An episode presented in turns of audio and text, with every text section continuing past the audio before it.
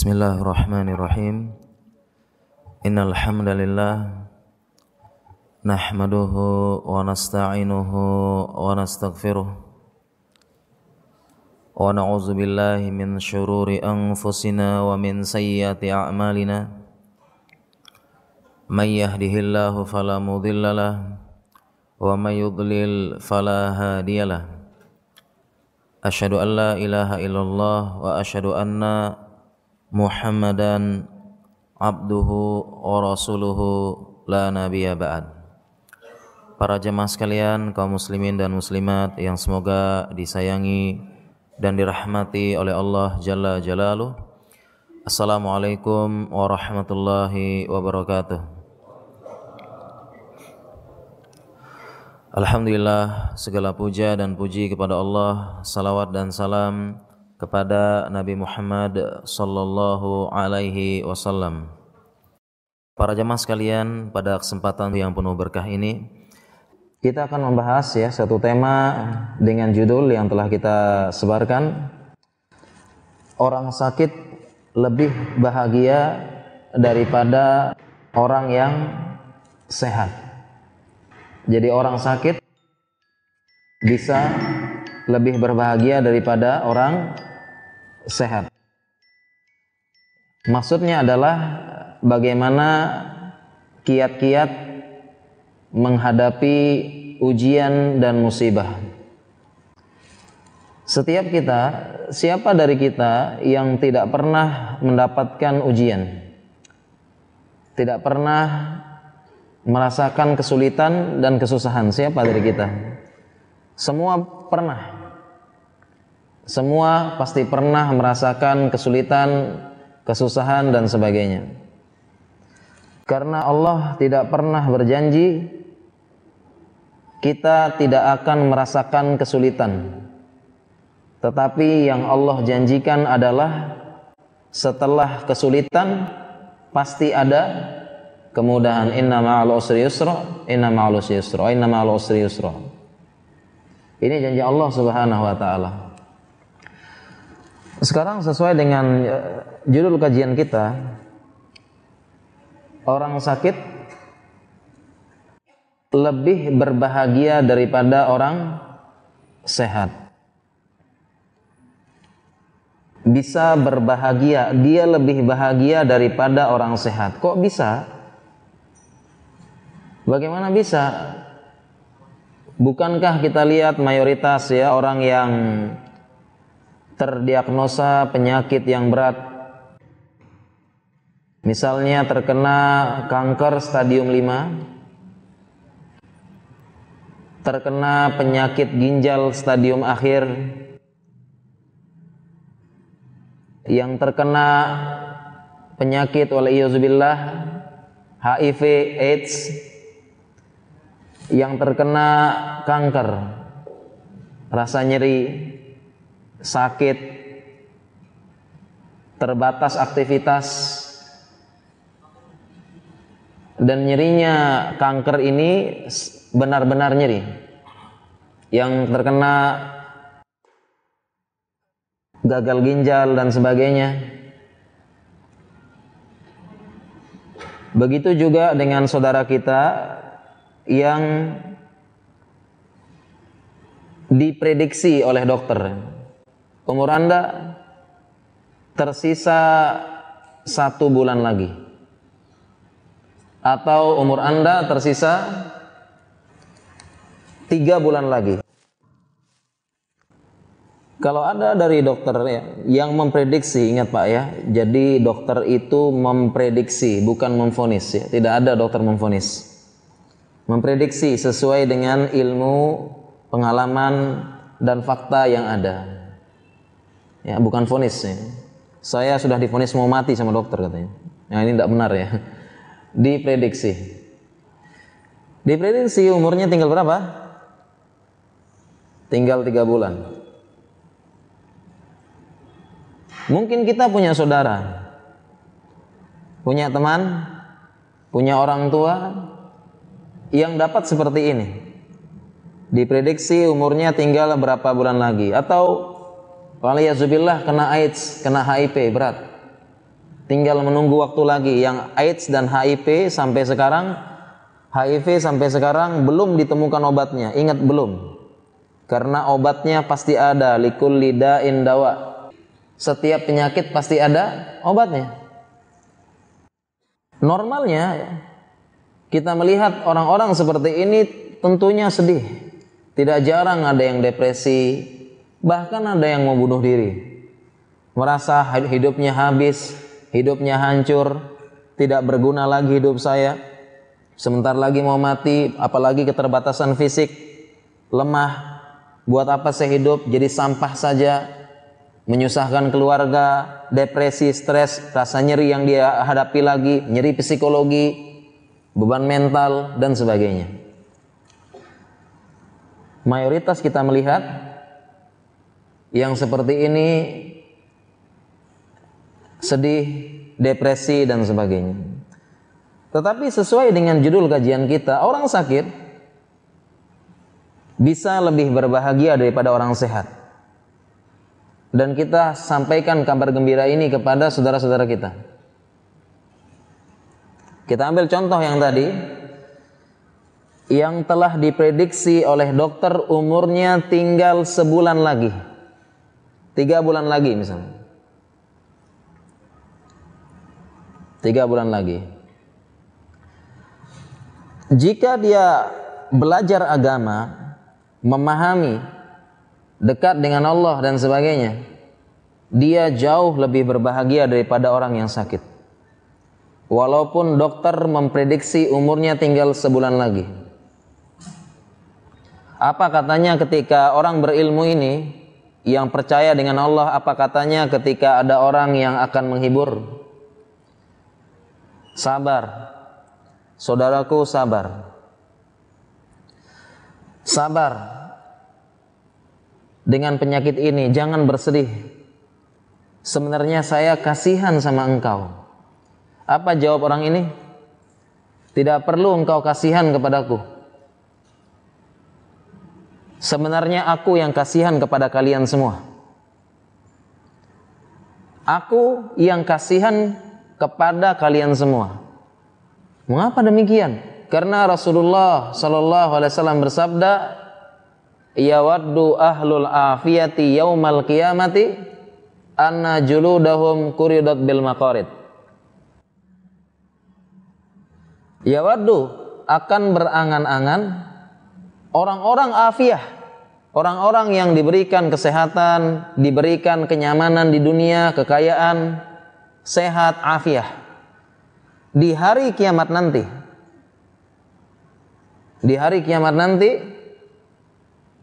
mereka akan berangan-angan kenapa dahulunya di dunia mereka tidak mendapatkan musibah-musibah dan ujian-ujian yang berat.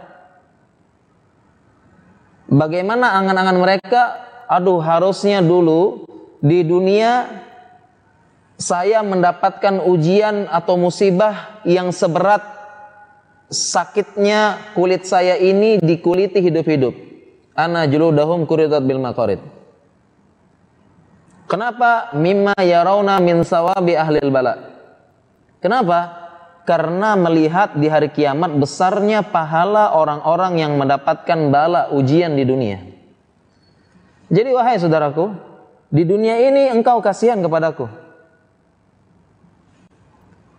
Tetapi nanti di hari kiamat engkau berangan-angan berada di posisiku. Engkau berangan-angan kena kanker. Engkau berangan-angan kena penyakit yang berat seperti aku ini. Jadi tidak usah kasihani. Jangan kasihani aku, kasihinlah diri kalian sendiri. Ini jawaban orang yang yang berilmu. Dia bahagia. Memangnya bagaimana besar pahalanya? Bagaimana besar pahalanya yang karena orang tersebut ketika melihat pahala orang yang dapat ujian berat di dunia, kemudian dia berangan-angan, aduh kenapa dahulu di dunia tidak dapat musibah kayak begitu? Harusnya lebih berat lagi. Harusnya saya dapat musibah di dunia seperti dikuliti hidup-hidup, kemudian saya bersabar. Seperti ini saya dapat nanti. Nanti kita Pak, Ibu, saudaraku sekalian kaum muslimin, nanti kita di hari kiamat berangan-angan. Berangan-angan seperti orang yang sakit, aduh kenapa saya bukan saya yang dapat. Sehingga saya bersabar dan saya dapat pahala dan menyelamatkan saya di hari kiamat dengan keadaan yang susah, mencekam, sulit dan sebagainya. Itu angan-angan kita Pak yang sehat ini nanti. Jadi orang tersebut bilang, tidak usah kasihan sama saya. Saya bahagia mendengar berita ini. Saya bahagia difonis dokter kena kanker. Saya bahagia. Kemudian yang kedua, saya kasihan. Kasihan kepada engkau. Engkau mengerang kesakitan. Engkau terkadang terlihat dari ekspresimu, wajahmu menahan sakit. Kasihan sama engkau. Yang nampak, Bu, yang namanya sakit kanker, ini nyerinya sangat. Nyeri kanker tuh benar-benar nyeri. Tidak jarang penderita kanker itu ter, kita berikan obat gorongan narkotika. Kita berikan obat karena itu yang nyerinya benar apa anti nyeri tingkat tinggi. Kalau anti nyeri biasa, NSAID, ibuprofen dan sebagainya, ketorolak tidak mempan bagi orang yang kanker. Karena nyerinya benar-benar nyeri. Bisa dibayangkan, Pak? Ada organ di dalam tubuh membesar, kemudian menekan organ-organ yang lain, saraf ditekan, pembuluh darah ditekan, menekan yang lain. Bisa dibayangkan nyerinya, Pak? Luar biasa. Sekarang begini, Pak, coba di anu, coba kalau ingin rasakan uh, penderita uh, nyerinya yang dirasakan penderita kanker. Uh, coba sekarang ini punya lengan ya. Lengan ini coba digenggam kenceng-kenceng. Digenggam kenceng-kenceng agak lama. Gimana rasanya Pak? 5 menit, 10 menit? Nah, sudah kebal rasanya. Apa? Kebal-kebal ya? Kebas-kebas, nyeri, kesemutan, sakit. Ah, ini baru 5 menit Pak, 10 menit. Perintah kanker seumur hidup nempel terus. Jika tidak dioperasi. Jadi penderita kanker ini nyerinya benar-benar nyeri. Saudaraku, saya kasihan. Kasihan lihat engkau menahan nyeri, menahan sakit, dan sebagainya. Apa jawab orang ini? Oh jangan, saya lebih bahagia sekarang. Kenapa Rasulullah Shallallahu Alaihi Wasallam bersabda, la yazalul bala'u bil mu'mini wal mu'minah fi jasadihi wa malihi wa waladili hatta yaqallah wa. Rasulullah Alaihi Wasallam memberikan kabar gembira kepadaku yang namanya mukmin dan mukminah pasti akan mendapatkan ujian terus. Pada jasadnya, pada hartanya, pada anak-anaknya. Sampai dia bertemu dengan Allah tanpa dosa sama sekali. Dan Rasulullah SAW sudah mengabarkan semua musibah, semua rasa nyeri adalah penghapus dosa. Ma yusibul mu'minu min masobin wala nasobin wala hammin wala adan wala gomin hatta syaukatu isyakuha illa kafarallahu biha an khotoyah kama kala Rasulullah SAW Rasulullah SAW mengatakan bersabda tidaklah sesuatu menimpa seorang muslim berupa rasa capek penyakit kesedihan gangguan, rasa depresi, sampai-sampai duri yang menusuk kakinya, duri kecil yang menusuk kakinya, kecuali Allah hapuskan dosanya. Hatta yaqullah wa ma'ilil hoti'ah. Sampai bertemu kepada Allah tidak ada dosa sama sekali. Jadi saudaraku, Memang hari ini aku terus menanggung rasa sakit. Tapi aku sangat berharap kepada Allah setiap rasa sakit, setiap sakit yang aku rasakan berguguran dosaku. Dan aku sangat berharap rasa sakit terakhir yang aku rasakan yang mengantarkan kepada kematianku maka itulah dosa terakhir yang berguguran. sehingga aku bertemu kepada Allah wa ma alaihi Tidak ada dosa sama sekali. Aku sangat berharap kepada Allah. Erangan terakhir, nyeri terakhir yang aku rasakan itulah dosa terakhir juga yang bergugur terakhir. Sehingga aku bertemu kepada Allah tidak ada dosa sama sekali. Kenapa engkau kasihan kepadaku? Kasihilah dirimu. Aku sangat berbahagia dengan berita ini.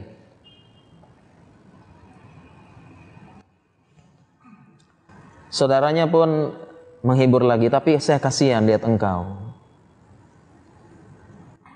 Umurmu tinggal sebulan lagi. Usiamu tinggal tersisa sebulan lagi. Harapanmu telah pupus. Cita-citamu telah lenyap. Masa depanmu tidak jelas. Saya sangat kasihan kepada engkau saudaraku. Apa jawab orang ini? Apa jawabnya? Tidak perlu kasihan. Sebenarnya saya lebih kasihan kepada kalian. Mengapa demikian? Karena tidaklah aku mendengarkan berita yang paling bahagia yaitu berita menginformasikan umurku tinggal sebulan lagi. Ini berita bahagia bagiku. Mengapa? Karena ini berarti kematianku telah jelas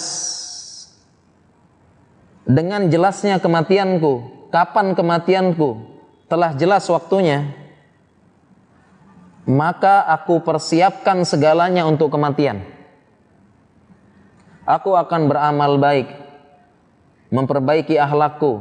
Aku persiapkan semuanya dalam waktu sebulan ini untuk menghadapi kematian. Hartaku jangan tahan hartaku jangan ditahan, segera infakkan hartaku. Aku tidak ingin me, tidak ingin menumpuk-numpuk harta.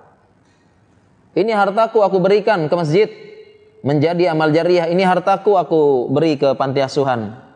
Aku biayai penuntut ilmu. Karena hartaku ini tidak aku bawa ke beliang kubur. Aku persiapkan segalanya. Untuk kematian ini berita paling baik. Karena kematianku jelas, aku persiapkan untuk kematianku. Kemudian untuk perpisahan yang indah, aku persiap, aku siapkan untuk perpisahan yang indah dengan dunia ini. Aku ingin berpisah dengan perpisahan yang indah. Tolong sampaikan salamku kepada seluruh manusia bahwasanya aku meminta maaf kepada mereka. Aku ingin dihalalkan semua kesalahanku.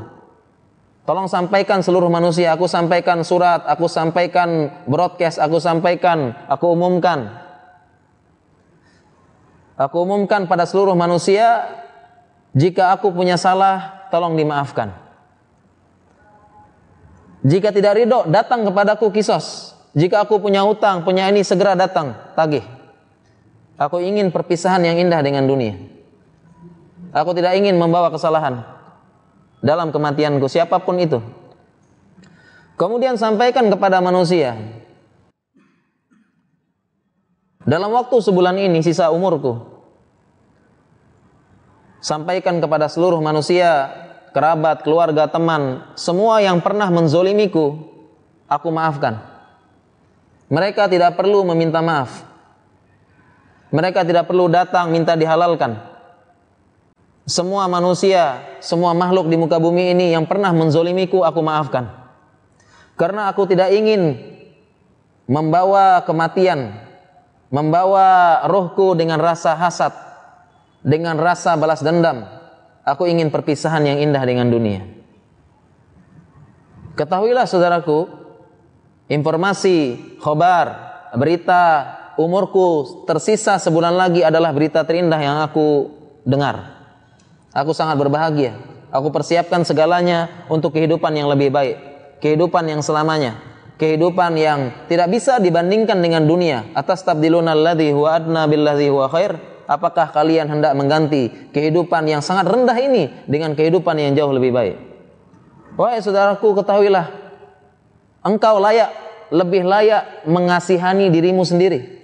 Jangan kasihan kepadaku, kasihilah dirimu. Dirimu belum jelas kapan maut itu menjemput. Bisa jadi dia tiba-tiba bisa jadi dia menjemput ketika engkau sedang uh, melakukan maksiat. Bisa jadi engkau meninggal di atas maksiat. Bisa jadi ketika engkau sedang futur maut menjemput. Bisa jadi ketika engkau lemah beragama malaikat maut datang menghampiri. Siapa yang harus dikasihani saudaraku? Jangan pernah engkau mengasihani diriku. Jangan menyangka aku sedih. Aku sekarang sedang berbahagia. Jangan pernah menaruh belas kasih kepadaku. Sesungguhnya dirimu lebih layak untuk dikasihani. Belum jelas. Inilah gambarannya Bapak Ibu sekalian rahmati Allah Subhanahu wa taala. Gambaran orang yang sakit lebih berbahagia daripada orang yang sehat. Dia lebih bahagia. Fonis kematian, prediksi kematian, kabar gembira terbaik bagi dia. Dia berbahagia.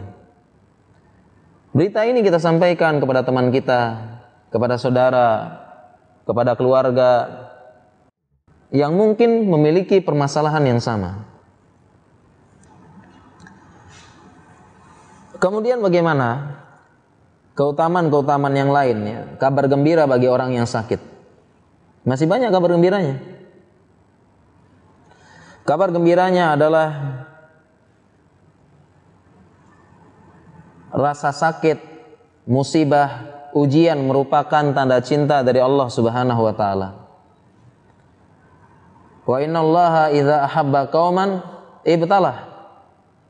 Sesungguhnya Allah jika mencintai suatu kaum, Allah akan memberikan ujian. Allah akan memberikan ujian. Jika Allah cinta terhadap seorang sehingga ujian ini adalah tanda cinta dari Allah. Faman rodiya falahur ridho, faman sakhita falahus suhud. Barang siapa yang dia ridho dengan keputusan Allah, Allah ridho. Barang siapa yang dia benci, tidak terima, falahur falahus suhud. Bagi dia adalah kemurkaan dari Allah Subhanahu wa taala. Ini hiburan.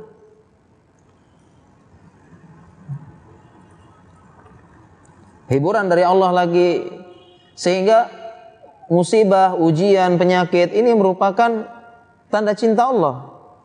Kenapa? Untuk meningkatkan derajat kita. Meningkatkan derajat. Kan tidak mungkin anak SMA ujiannya SD, anak kuliah ujiannya SMP. Tidak mungkin. Pasti ujiannya lebih sulit. Lebih sulit. Jadi ini tanda cinta dari Allah. Dan pertanyaan sering kita dapat pertanyaan ya. Sering terbesit dalam hati. Kenapa sih saya dapat ini? Kenapa saya dapat musibah ini? Kenapa saya dapat penyakit ini? Apa jawabannya? Jawabannya karena engkau mampu menghadapinya. Kalau yang lain belum tentu. Kenapa engkau di kenapa engkau kena penyakit ini? Jawabannya karena engkau mampu menanggung dan mampu bersabar la yukallifullahu nafsan illa usaha. Jawabannya sangat mudah karena engkau mampu Allah kasih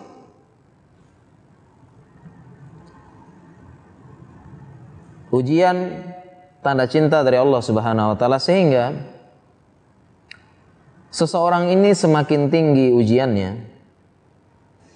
semakin tinggi kedudukannya.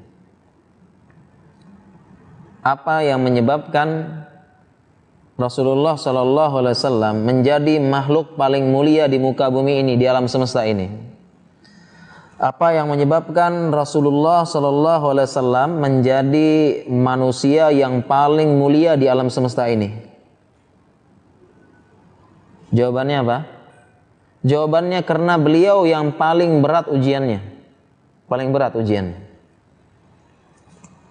Rasulullah SAW bersabda, beliau pernah ditanya, Ya Rasulullah, mahum asyaddul wala'ah? Mahum asyaddul bala' Wahai Rasulullah, siapakah yang paling berat ujiannya? Apa jawaban para nabi? Jawaban Rasulullah SAW, Nahnu al-anbiya. Kami para nabi paling berat ujiannya. Summal amthal, summal amthal. Dan orang orang sejenis kami dan orang sejenis kami. Semisal kami dan semisal kami yaitu para ulama, orang-orang soleh dan orang-orang yang Allah naikkan derajatnya. Disesuaikan dengan ujiannya. Dari Rasulullah SAW, beliau menjadi orang yang paling mulia karena beliau yang paling berat ujiannya.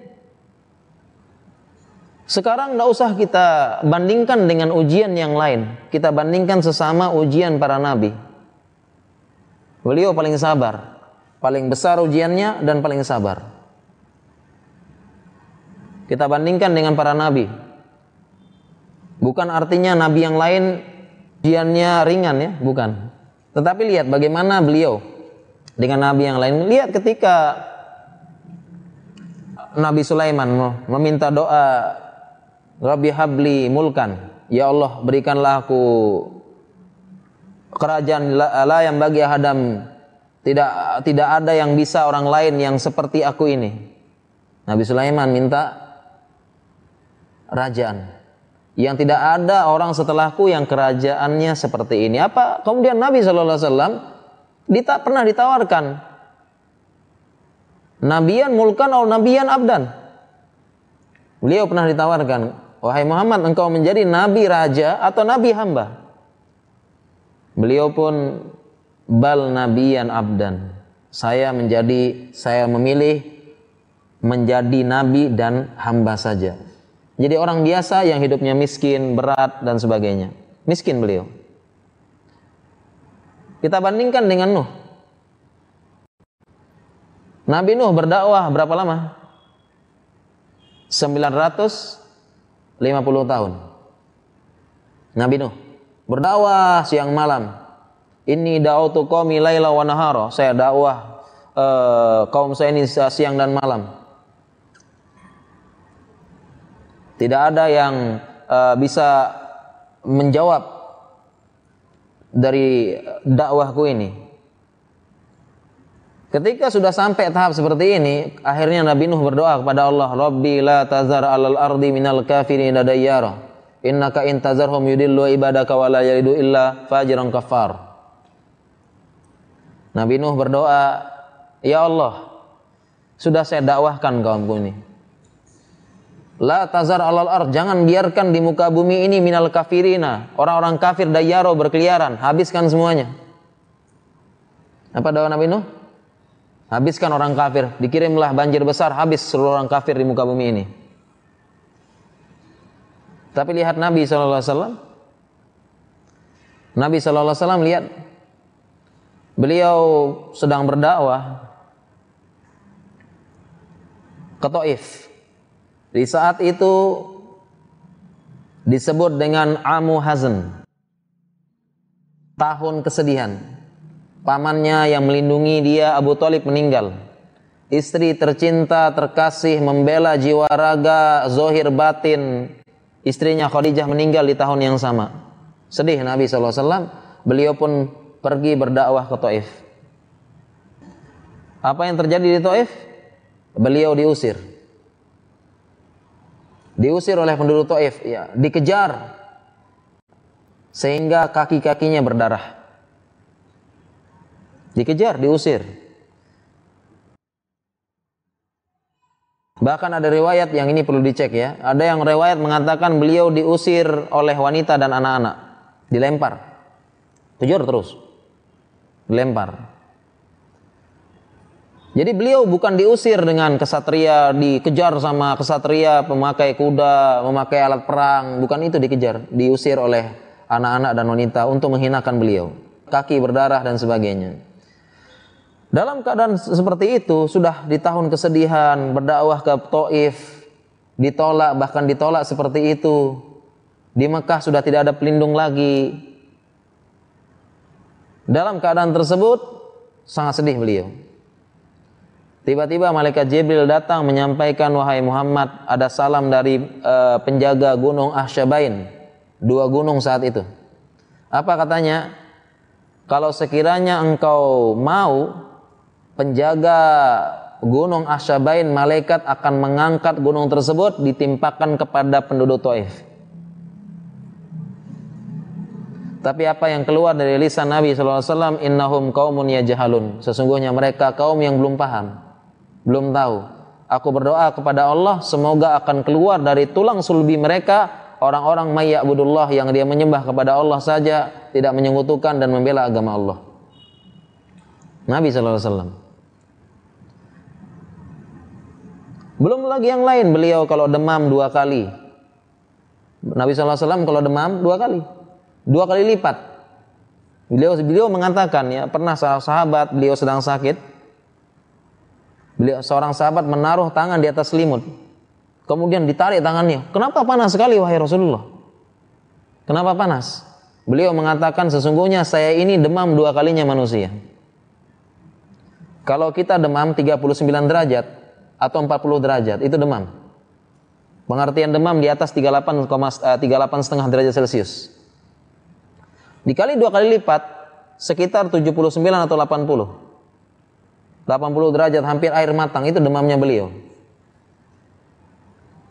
Dan banyak kalau kita eh, sebutkan ujian-ujian beliau sangat berat. Berat ujian beliau. Kenapa? Sehingga jawabannya, kenapa beliau menjadi orang yang paling mulia di muka bumi di alam semesta ini? Apa jawabannya? Karena paling berat ujiannya. Karena yang paling berat ujiannya. Banyak kalau kita ceritakan ujian-ujian beliau lain banyak sekali. Ini hiburan. Hiburan bagi orang-orang yang sakit, mendapatkan musibah dan sebagainya.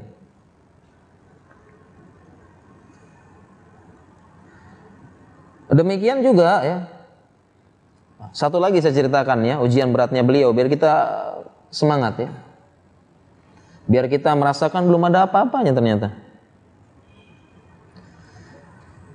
Rasulullah SAW beliau punya anak, punya enam orang anak dari Khadijah, dua laki-laki empat perempuan.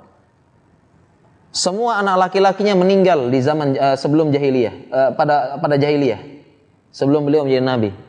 Siapa yang tidak sedih kalau anaknya meninggal? Yang meninggal laki-laki lagi. Sedih tidak? Sedih. Kemudian menyusul anak-anaknya meninggal lebih dulu daripada beliau. Menyusul beliau lebih duluan meninggal beberapa anaknya meninggal. Dan yang membuat beliau sedih adalah meninggal anak beliau yang bernama Ibrahim.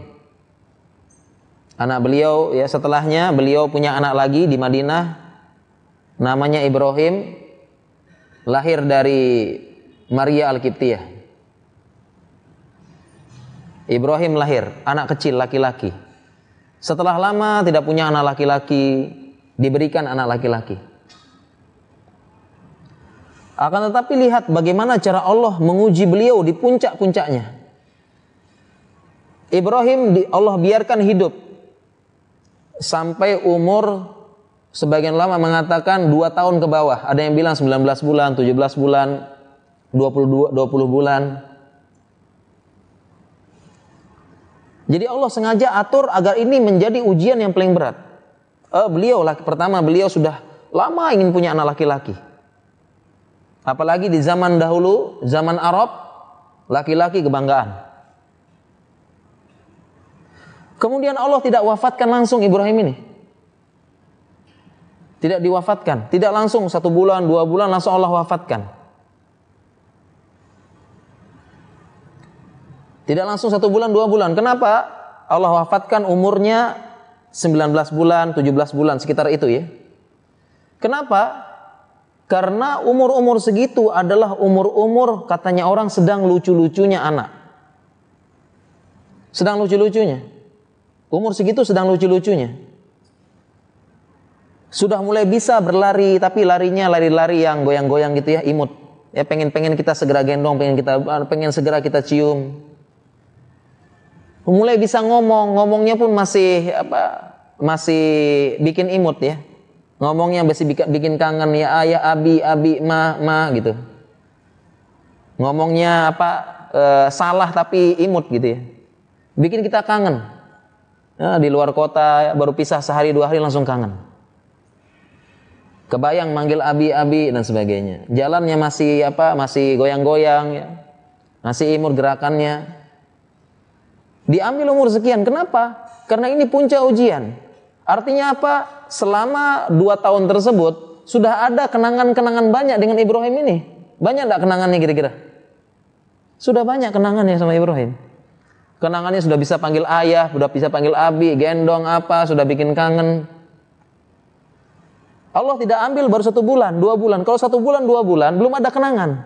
Anak tersebut masih diam, kaku, makan, minum, ee, makan, minum, ee. Belum ada kenangan yang banyak. Masih kaku, belum. Tapi sudah dua bulan, sudah dua tahun. Udah banyak kenangan. Itu yang diambil sama Allah. Tidak juga diambil ketika empat tahun, lima tahun ya. Empat tahun, lima tahun, itu anak sudah mulai bisa ngomong, sudah mulai bisa marahin bapaknya. Sudah bisa ngomelin bapaknya, iya tidak? Empat tahun, lima tahun. Tapi kalau umur yang itu benar-benar imun anak umur sedang lucu-lucunya, diambil, lihat. Itu ujiannya Nabi, lihat ya. Ujiannya beliau, kita belum ada apa-apanya. Nah, sehingga ini menjadi hiburan bagi kita dan hiburan bagi saudara-saudara kita yang sedang sakit, yang sedang putus asa, sedang depresi. Kemudian hiburan yang lainnya juga. Allah Nabi SAW bersabda, "Iza aradallahu bi'abdihi al-khaira ajra lahu al-uqubata fid dunya." Apabila Allah menginginkan kebaikan kepada hambanya, ajjalalahu al-uqubah. Allah segerakan hukumannya di dunia. Jadi ketika kita mendapatkan ujian, mendapatkan musibah, itu berarti tanda cinta Allah. Allah segerakan hukumannya di dunia supaya di akhirat tidak dihukum lagi. Dan hukuman di akhirat jauh, jauh lebih sulit, jauh lebih berat. Dan semua yang kita rasakan ini tadi berupa nasobin wala naz, uh, wala nasobin wala wasobin wala hamin wala azan wala gomin dan seterusnya tadi itu semuanya menghapuskan dosa kita. Kenapa ditimpakan oleh kita, uh, kenapa ditimpakan kepada kita? Karena Allah menginginkan kebaikan. Allah inginkan kebaikan kepada kita, disegerakan daripada di akhirat nanti. Dan rumusnya begini Bapak Ibu sekalian. Rumusnya semua musibah, ujian, rasa susah, rasa berat, semua ini disebabkan oleh tangan kita. Disebabkan oleh dosa kita. Wa ma asabakum min musibatin fabima kasabat. Apa pun dosa, apa pun musibah yang menimpa kalian itu disebabkan karena ulah tangan kalian sendiri. Sehingga manusia bermaksiat, manusia berdosa, bermaksiat. Ya. Dosa tersebut naik. Ya, dosa tersebut ya, dosa tersebut akan menyebabkan balak turun. Jadi kita punya dosa ya, punya dosa, dosa, dosa, dosa, dosa. Dosa ini menyebabkan balak turun. Allah turunkan dalam bentuk kasih sayang pada kita, baik itu rasa susah, rasa berat, rasa stres, rasa depresi, rasa sakit, Allah turunkan itu semua karena dosa kita. Itu semuanya karena dosa kita turunnya. Turun. Allah turunkan supaya apa? Supaya bersih dosa kita. Diturunkan oleh Allah turun, turun, turun, turun, turun, bersih, turun, turun, turun. Nah, bagaimana kalau orang dosanya banyak tidak turun-turun? Ya siap-siap. Kan gitu. Turun, turun, turun dosanya turun. Nah, oleh karena itu kita diperintahkan banyak-banyak istighfar. Karena istighfar kita yang naik ke langit akan mencegah bala turun ke bumi. Banyak-banyak istighfar. Fastaghfiru rabbakum innahu kana ghaffara. Istighfar yang banyak kepada Allah, sesungguhnya Dia Maha Pengampun. Dan istighfar ini memudah membuat hidup kita mudah. Istighfar membuat hidup kita mudah.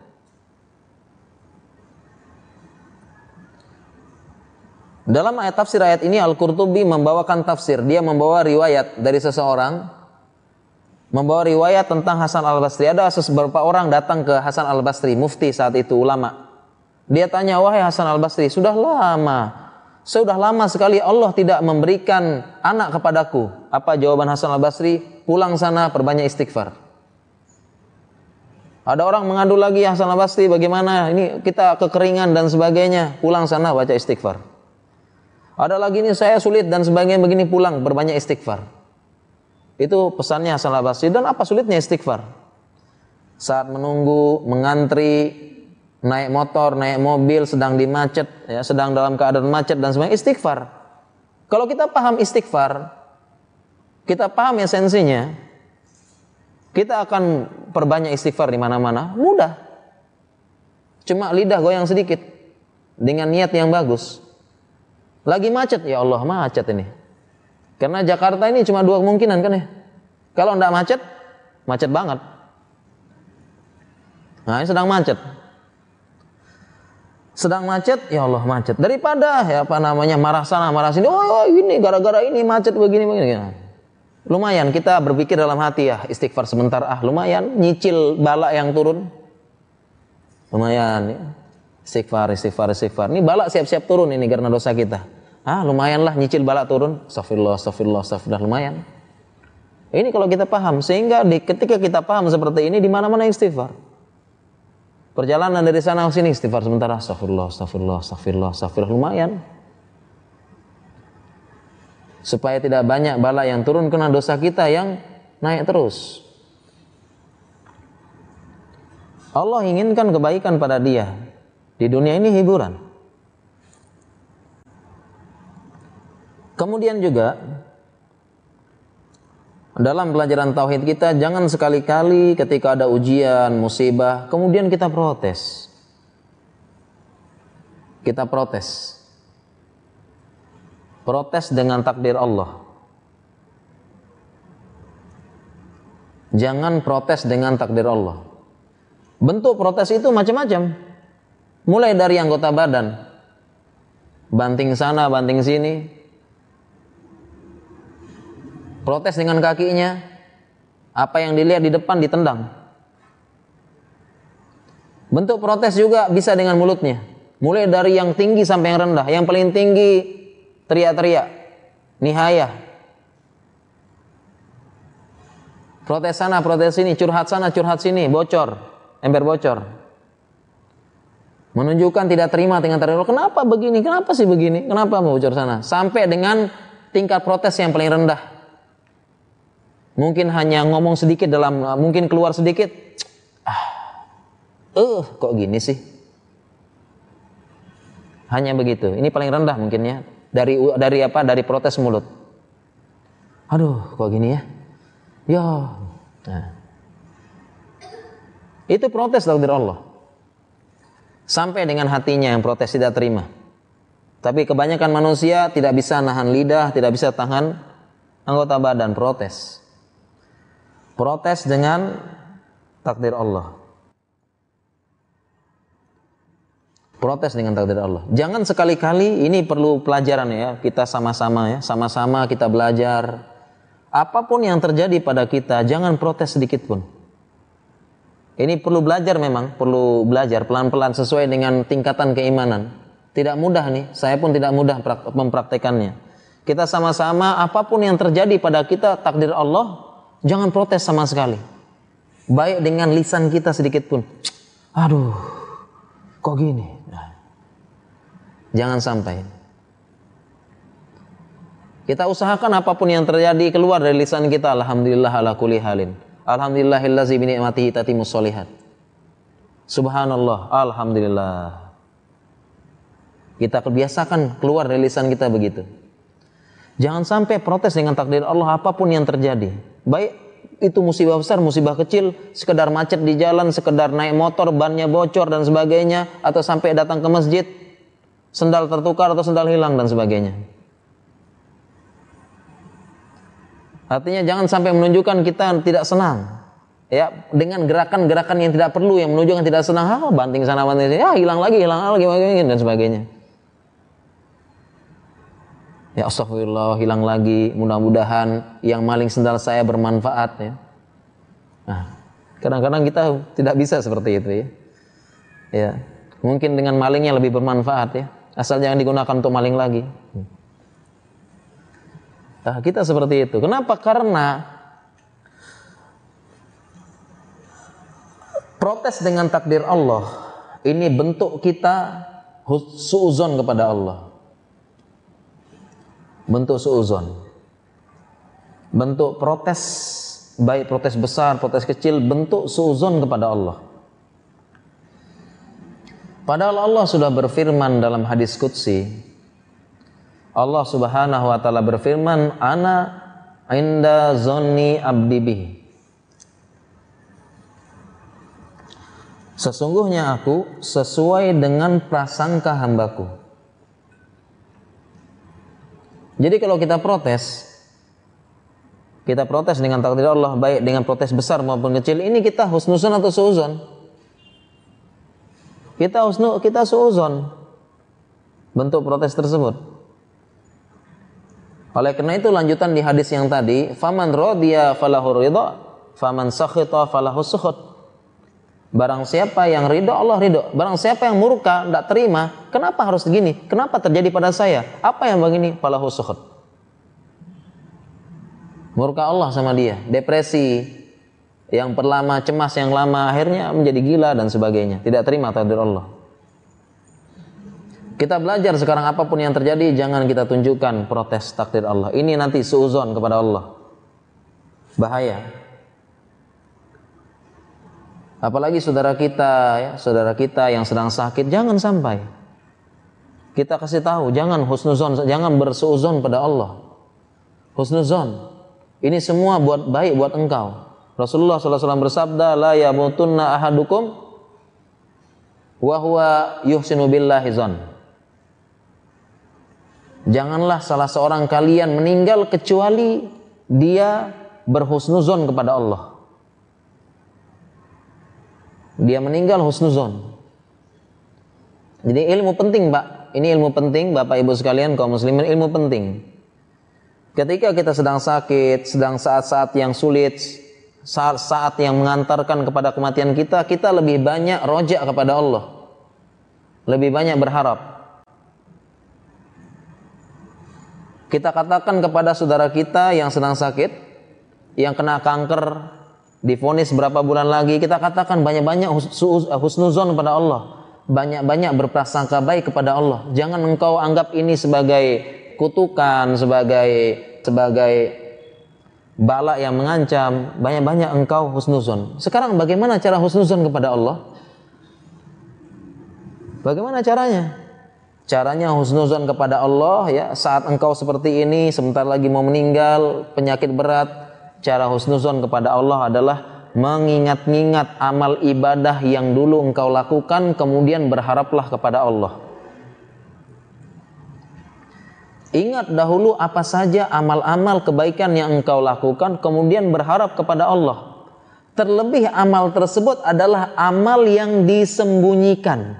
Tidak ada yang tahu kecuali saya dan Allah. Makanya Pak, Ibu sekalian, para kaum muslimin, kita harus punya amal yang kita sembunyikan. Hanya kita dan Allah yang tahu. Apa fungsinya? Fungsinya nanti menjelang meninggal kita, di usia tua kita, di penyakit yang mengantarkan kepada kematian, itu jadi hujah kita sama Allah. Ya Allah, saya pernah beramal kebaikan, saya hanya berharap kepadamu saja. Tidak ada yang tahu kecuali saya dan engkau. Saya sangat berharap amal ini baik, mendapat balasan pada engkau, mendapatkan berkah ini di sisa-sisa umur saya, di pengantar kematian saya, saya berharap ya Allah, saya berhususun kepadamu. Itu yang benar. Ini ilmu penting. Jangan ketika mau mati, mau meninggal, eh, penyakit yang mengantarkan kepada kematiannya, dia ingatnya enggak enggak, ingatnya siksa neraka, ingatnya ini, ingatnya dosa, ini tidak benar. Tidak benar. La yamutunna hadukum illa wa huwa yuhsinu billahi zan kecuali dia husnuzan kepada Allah. Jangan sampai kita meninggal kemudian kita suuzon kepada Allah. Makanya Pak Ibu sekalian kita usahakan punya amalan yang hanya kita dan Allah yang tahu. Saat-saat sulit, saat-saat kejepit, saat-saat ini kita ingat. Sedang naik pesawat, pesawat goncang hebat. Nah ingat amal kita langsung, ya Allah, saya punya amalan dulu. Hanya Allah yang tahu. Sekiranya saya mati, saya sangat husuzon pada engkau. Begitu. Ya. Ada apa? Gempa bumi semua. Ingat, ini husnuzon pada Allah. Ilmu penting, Pak. Dan ilmu ini ada di pelajaran tauhid. Oleh karena itu, para ulama menjelaskan ketika manusia mendapatkan musibah, ada empat tingkatan. Syekh Utsaimin menjelaskan li'anna nasa inda hululil musibah lahu arba'atu halatin Manusia ketika mendapatkan musibah ada empat keadaan. Yang pertama, marah. Yang kedua, bersabar. Tingkatan yang ketiga, ridho. Tingkatan yang keempat, bersyukur. Ini empat tingkatan manusia ketika mendapatkan musibah. Empat tingkatan. Dapat musibah. Yang pertama, marah. Ini yang bahaya. Ketika Allah turunkan musibah, marah dia. Tidak terima. Kenapa harus saya? Marah dan ini falahu Allah juga marah sama dia sehingga harusnya tadi jadi harusnya tadi adalah ujian berubah menjadi bala yang menghancurkan dia. Yang kedua bersabar, dia bersabar, dapat musibah bersabar. Yang ketiga ridho, tingkatan ketiga ridho. Nah sekarang apa bedanya sabar sama ridho? Apa bedanya? Bedanya adalah kalau sabar, dia mampu menahan lisan dan jawarih, lisan dan anggota badan untuk tidak melakukan hal-hal yang tidak diridhoi oleh Allah protes tadi. Ini namanya sabar.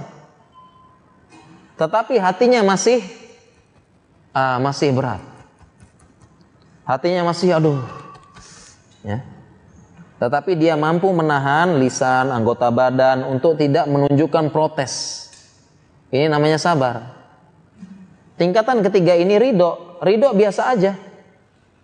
Hatinya sudah ketika dapat musibah biasa. Makanya tingkat yang ketiga ridho. Nah tingkatan keempat semoga kita bisa semuanya. Eh, ini karena ini teorinya gampang, praktek susah. Tingkatan keempat ketika dapat musibah, ya, yaitu bersyukur. Dapat musibah bersyukur. Sehingga seperti tadi judul kajian kita, orang sakit lebih bahagia daripada orang yang sehat. Dia malah bersyukur, malah bahagia sebagaimana yang kita jelaskan di awal tadi. Kemudian Bapak Ibu sekalian, coba sekarang kita renungkan ya. Kita renungkan. Kita dapat musibah. Dapat sesuatu yang tidak sesuai dengan keinginan kita. Jadi yang namanya musibah bukan hanya kelihatan doang, patah tangan, tabrakan, miskin, bangkrut, bukan itu saja.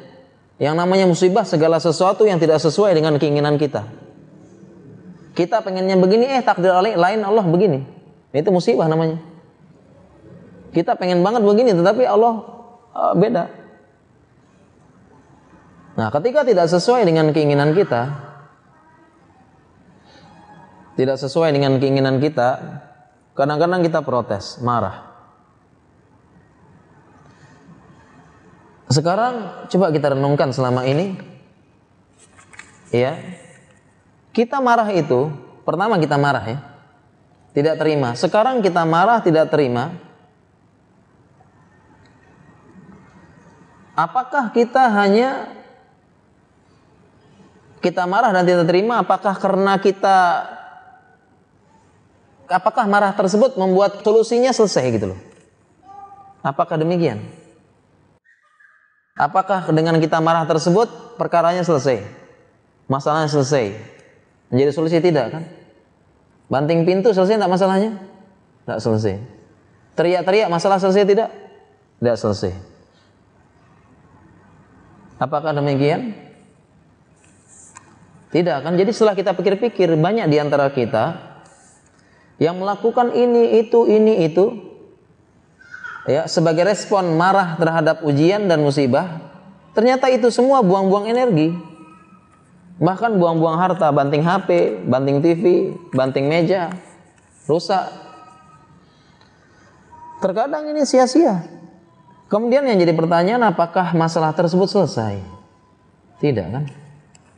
Masalahnya tetap, ujiannya tetap, kejadiannya sudah terjadi, tetapi kita buang-buang waktu dengan hal yang tidak perlu, buang tenaga, buang pikiran, dan tidak menyelesaikan masalah tersebut. Jadi buat apa ya? Selama ini kita marah ketika terjadi sesuatu yang tidak sesuai dengan keinginan kita. Itu musibah. Kemudian eh, sebagaimana tadi ya, hiburan. Hiburan bagi orang yang sakit. Orang yang sakit meskipun dia sakit ya. Meskipun sakit tetapi pahalanya tetap mengalir. Ini hiburan bagi orang yang sakit. Iza maridul abdu aw safara kutibalahu mislu makana ya'malu mukiman sahihan.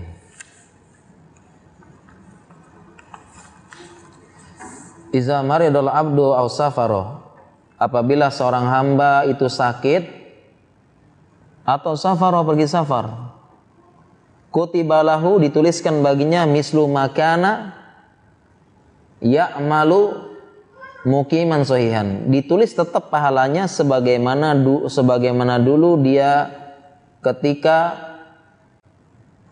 sedang mukim atau sedang sohih sedang sedang sehat. Artinya apa kalau ada orang sakit?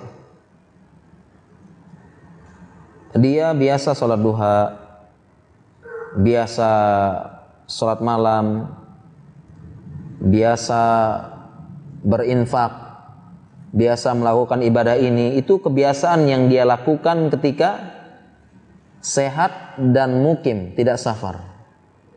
Kemudian tiba-tiba sakit sehingga tidak bisa lagi sholat duha atau safar, tidak bisa lagi, tidak sempat sholat duha, maka kutibalahu mislu. Tetap ditulis pahalanya sebagaimana yang biasa dia lakukan ketika safar dan sehat, ketika mukim dan sehat. Ini kabar gembira bagi orang yang sakit. Dan beberapa ulama menjelaskan beberapa ulama menjelaskan maksudnya di sini adalah ada dua syaratnya. Yang pertama ya, yang pertama dia lakukan ibadah tersebut rutin. Dia rutin melakukan ibadah tersebut. Kemudian yang kedua dia berkeinginan. Dalam hatinya punya keinginan, aduh seandainya sakit sudah sholat duha saya ini Nah, dua syarat ini sehingga bagi orang sakit yang biasa beribadah dan sebagainya, ini ditulis sebagaimana pahalanya ngalir terus, ngalir terus sebagaimana dia ketika sedang sehat.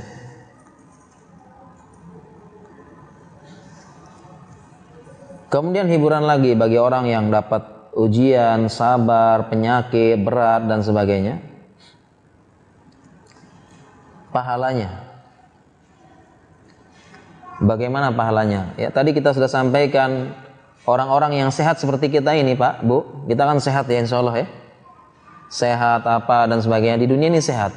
Tapi di hari kiamat kita punya angan-angan nanti, Pak. Kenapa dulu di dunia tidak sakit aja, sakit berat dan sebagainya. Tadi sudah kita jelaskannya. Kenapa? Mimma yarawna min thawabi ahlil bala karena melihat besarnya pahala orang yang dapat ujian musibah kemudian dia bersabar.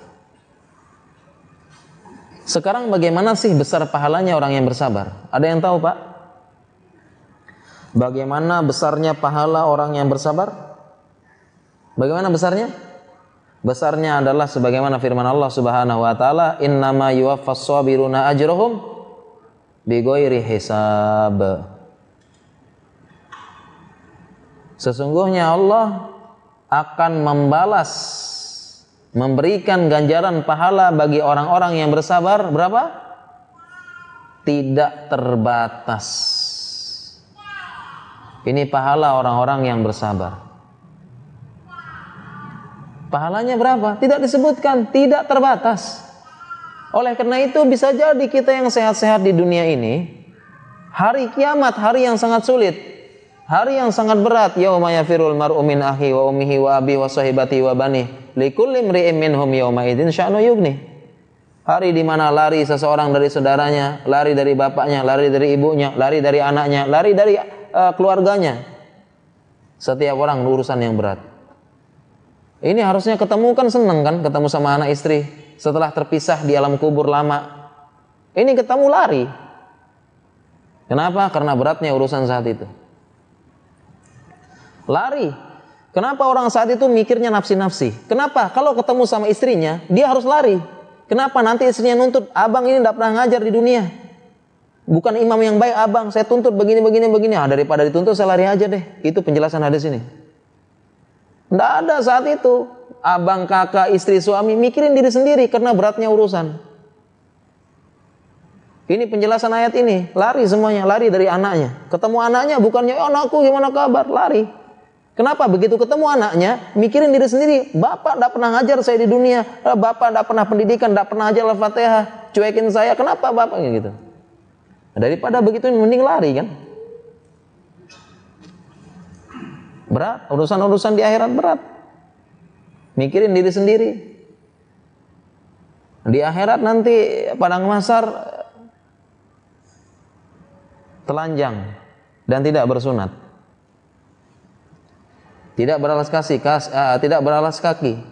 Dikumpulkan di hari kiamat, urusannya berat, urusannya susah, ya matahari sejengkal, kemudian ada yang tenggelam keringat, ada yang begini, urusan berat. Urusan berat di hari kiamat. Ya. Mikirkan diri sendiri, nafsi-nafsi, Bagaimana saat itu pikirannya mengumpulkan harta yang banyak, mengumpulkan pahala yang banyak karena ini. Karena ini yang menjadi tujuan dia, pahala yang banyak. Ini yang menyelamatkan nanti dengan izin Allah. Bagaimana pahala yang banyak, semua mikirkan. Tidak berpakaian, tidak berlas kaki dan tidak bersunat. Sehingga Aisyah bertanya, "Ya Rasulullah, nanti di hari kiamat kita ini tidak pakai baju semuanya, apa kita tidak noleh satu sama lain?" Tidak noleh. Tidak ada yang pakai baju. Apa tidak noleh nanti semuanya? Apa jawaban Rasulullah SAW? Tidak, wahai Aisyah. Urusan saat itu berat dan sulit. Tidak sempat lagi noleh sana noleh sini. Syekh Husaymin ketika menjelaskan hadis ini, beliau mengatakan, keadaan seperti ini pernah aku lihat di dunia. Keadaan seperti ini pernah aku lihat di dunia katanya Syekh Utsaimin. Kenapa? Ketika terjadi musibah di terowongan Mina orang haji. Kan orang haji ya. Jadi dengan canggihnya sekarang itu uh, gunung-gunung ya, bukit-bukit batu di, di Mina itu dibolongi. Dibolongi. Supaya lebih gampang, tidak perlu muter-muter jauh. Terowongan Mina ya. Orang lewat di sana. Nah, ketika ada orang yang buat masalah ya, atau terjadi sesuatu, orang stuck di sini, ini kan ribuan orang kan. Dulu kan pernah tahu ya ada berita apa orang haji meninggal ya. Untungnya itu itu padahal jalur terbuka. Ini terowongan macet. Terowongan macet kan. Di dalam terowongan gelap, sepi apa dan sebagainya sesek. Sempat terowongan Mina. Saat itu orang-orang lari keluar naik gunung, naik apa semuanya untuk menghindari macetnya terowongan Mina. Kemudian aku melihat dengan mata kepalaku sendiri orang-orang itu apa namanya kain ihramnya terlepas. Karena ada sedesekan terlepas sehingga dia lari luntang-lantung telanjang semuanya, lari sono lari sini. Sudah tidak peduli lagi. Orang-orang lari telanjang, saya lihat katanya saya Orang pelari telanjang sana sini sana sini. Telanjang lepas kain ihramnya kan tidak pakai anu ya? Tidak pakai CD ya? Tidak pakai apa? Daleman. Lepas tidak peduli. Lari sana lari sini sudah. Aku pernah lihat di dunia katanya. Apalagi di akhirat urusan berat. Nah ketika saat itu kita butuh apa, timbangan pahala nanti mau dihitung sebentar lagi kita lihat orang yang sakit sabar dapat pahala yang banyak seolah-olah ya Allah nah kita kemudian berangan-angan aduh kenapa dahulu begitu saya ya dapat ujian yang berat. Kalau bisa ujiannya berat banget deh, sakitnya seperti dikuliti hidup-hidup. Kemudian saya bersabar, nah ini saya seperti orang ini nanti. Hmm. Jadi demikian ya. Pahala orang yang bersabar ini tidak terbatas innama yuwaffas sabiruna ajrahum bighairi hisab.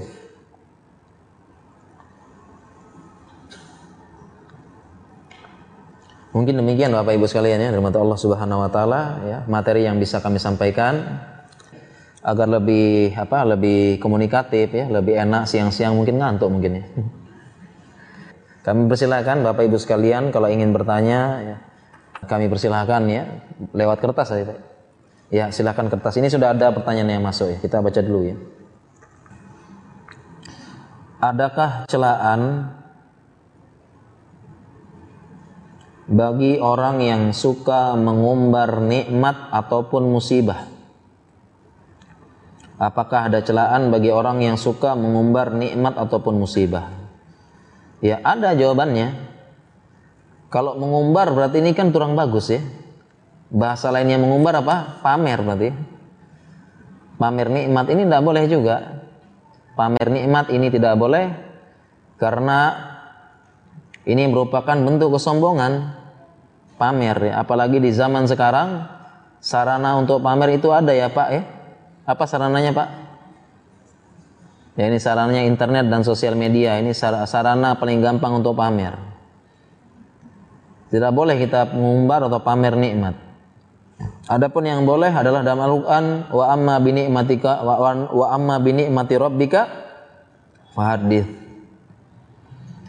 Adapun nikmat yang ada pada Robmu maka sebut-sebutkanlah. Ada beberapa penjelasan tentang ayat ini. Yang pertama, ketika kita mendapatkan musibah, sebut-sebut nikmat Allah yang banyak. Fadis sebut. Ingat. Kemudian yang kedua, boleh kita tampakkan nikmat tersebut apabila ada maslahat. Ada maslahat ya. Ada maslahat. Contohnya ya, saya pernah begini, begini, begini. Ternyata Allah mudahkan. Inilah janji Allah Wa may Allah fahuwa hasbuh. Yarzu wa yarzuquhu min haitsu la yahtasib dalam ayat yang lain. Ini contoh ayat Allah. Janji Allah diceritakan nikmat tersebut. Ini ini maksud dari ayat ini wa amma bi ni'mati rabbika fahaddits. Demikian juga mengumbar musibah sama, tidak boleh mengumbar musibah. Ya, ember ke sana sini curhat. Dan setelah kita renungkan, kebanyakan manusia itu hanya penasaran saja dengan masalah kita, tidak mau bantu. Ya. Manusia kebanyakan hanya penasaran dengan masalah apa yang menimpa pada kita. Tidak mau bantu. Hanya cuma bisa bilang kasihan ya. Jadi kalau kita mengumbar masalah, kita menceritakan musibah, ceritakan kepada orang yang pertama sayang kepada kita. Bisa menenangkan. Yang kedua, kepada orang yang bisa memberikan solusi dari masalah kita. Jadi bukan diumbar ke mana-mana, apalagi di apa namanya sekarang zamannya uh, upload sosmed. Upload di sosmednya pasang status lagi galau. Jabla ini jarang dibelai. Ya Allah. Jadi tidak benar ya kita mengumbar musibah, ya. tidak boleh. Termasuk apa namanya bisa jadi mencela takdir Allah. Ya, saya sakit dan saya enggan berobat karena saya menganggap bahwa sakit yang saya alami ini adalah kafaroh dan hanya Allah yang mampu menyembuhkan. Apakah ini dibenarkan dalam Islam? Sakit tapi tidak mau berobat supaya jadi kafaroh. Ini kembali ke hukum berobat berarti. Beberapa ulama menjelaskan hukum berobat. Ada yang mengatakan hukum berobat itu boleh. Ada yang mengatakan disunahkan. Yang mengatakan berobat itu disunahkan, dianjurkan karena hadis Nabi sallallahu alaihi wasallam, "Tadawau ya ibadallah." Wahai hamba Allah, berobatlah kalian fa innallaha lam yaj'al da lam lam lam yaj'al da'an illa yaj'alallahu sifaan atau kama qala Rasulullah wasallam. Ya ibadallah tadawau. Wahai hamba Allah, berobatlah kalian. Ini adalah bentuk perintah. Dari sini ulama mengambil pendapat hukum hukum berobat itu adalah sunnah dan dianjurkan karena Allah menja telah menjadi menurunkan obat, menurunkan penyakit pasti Allah turunkan juga obatnya. Dari hadis ini ulama mengatakan hukum berobat adalah sunnah dianjurkan. Kemudian ulama yang mengatakan hukum berobat adalah mubah berdasarkan hadis. Ada seorang perempuan Ya mungkin sudah pernah baca hadisnya, seorang perempuan yang terkena penyakit penyakit ada dua penafsiran ulama terhadap penyakitnya ini, yaitu penyakit epilepsi dan penyakit gangguan jin. Sehingga dia kalau datang serangan tersebut sering kejang-kejang. Ya, jadi ada dua pendapat ya, dia gangguan jin, ya, jinnya datang goyang-goyang. Yang kedua epilepsi. Kemudian perempuan ini datang ke Nabi Wasallam. Ya Rasulullah SAW, saya kena penyakit ini. Tolong doakan saya supaya sembuh ya Nabi. Apa jawaban Nabi SAW? Kalau engkau ya mau saya doakan, saya doakan kepada Allah. Tetapi kalau engkau bersabar, maka balasanmu surga. Apa kata perempuan tersebut? Kalau begitu saya pilih surga ya Rasulullah.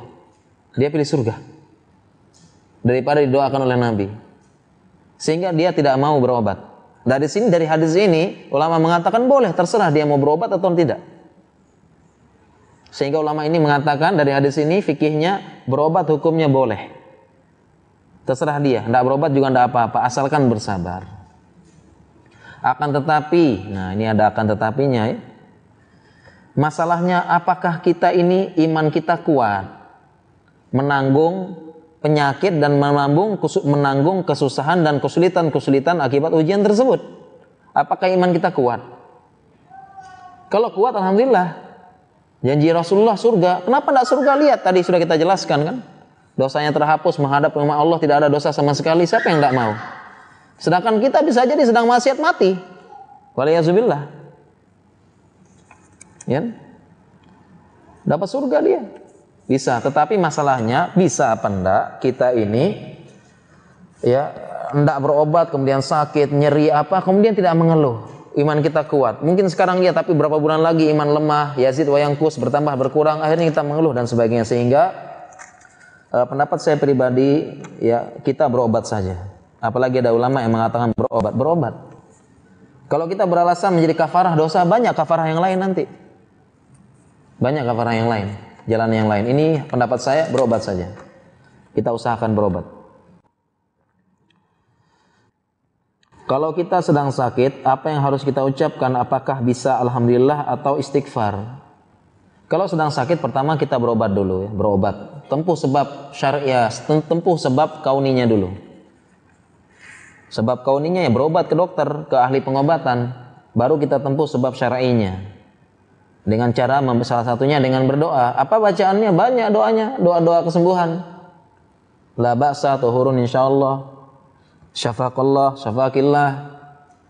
Doa kesembuhan juga ya kita letakkan tangan kita letakkan tangan kita di atas yang sakit, ucapkan ya bismillah bismillah bismillah. Ya. Kita ucapkan bismillah kemudian kita ucapkan doa Allahumma antas syafi la syifa illa syifa'uk syifa Allah yugadiru sakuman. Bisa kita ulang. Itu doanya. Allahumma rabbin nas isfi antas syafi la syifa illa syifa'uk syifa Allah yugadiru sakuman. Ya Allah, Allahumma antas syafi engkau maha penyembuh. Isfi sembuhkanlah. Sembuhkanlah penyakit sakom yang la yugadiru sakoma yang tidak meninggalkan rasa sakit sama sekali. Atau doa yang lain, Bismillah, Bismillah, Bismillah, Bismillah, uh, Bismillahi wa qudratihi min ajidu wa uhadir. Kita ucapkan tujuh kali. Kita taruh tangan kita di atas yang sakit tersebut, ya sakitnya perut, sakitnya kepala, sakitnya kita taruh di situ doa Bismillah, Bismillah, Bismillah. Kemudian Bismillahi wa qudratihi min syarima ajidu wa uhadir. Kita doa tujuh kali. Ini doa-doa kesembuhan. Dan doa-doa yang lainnya bisa. Kemudian bisa juga di saat itu kita mengucapkan uh, istighfar dan sebagainya. Selama sakit istighfar, selama ini dan sebagainya. Ini adalah yang bisa kita lakukan ketika kita ketika kita sakit. Baiklah demikian Bapak Ibu sekalian yang dirahmati Allah Subhanahu wa taala ya, ke pengajian yang bisa kita sampaikan pada kesempatan siang ini ya mudah-mudahan bermanfaat ya. Semoga dengan mengetahui kabar gembira ini kita bisa memberi kabar gembira kepada saudara kita yang terkena, terkena kanker, terkena penyakit berat, terkena penyakit AIDS, terkena penyakit uh, gagal ginjal ya, kanker hati dan sebagainya. Kita berikan kabar gembira kepada mereka kita hibur mereka dan semoga ini juga menjadi hiburan bagi kita semua ketika mendapatkan musibah dan semoga Allah memudahkan lisan kita, pikiran kita, anggota badan kita tidak pernah protes sedikit pun dengan apa yang telah Allah takdirkan kepada kita saat ini agar kita menjadi orang yang paling berbahagia di muka bumi ini. Demikian subhanakallahumma wabihamdika asyhadu alla ilaha illa anta astaghfiruka wa atubu ilaik. Wassalamualaikum warahmatullahi wabarakatuh.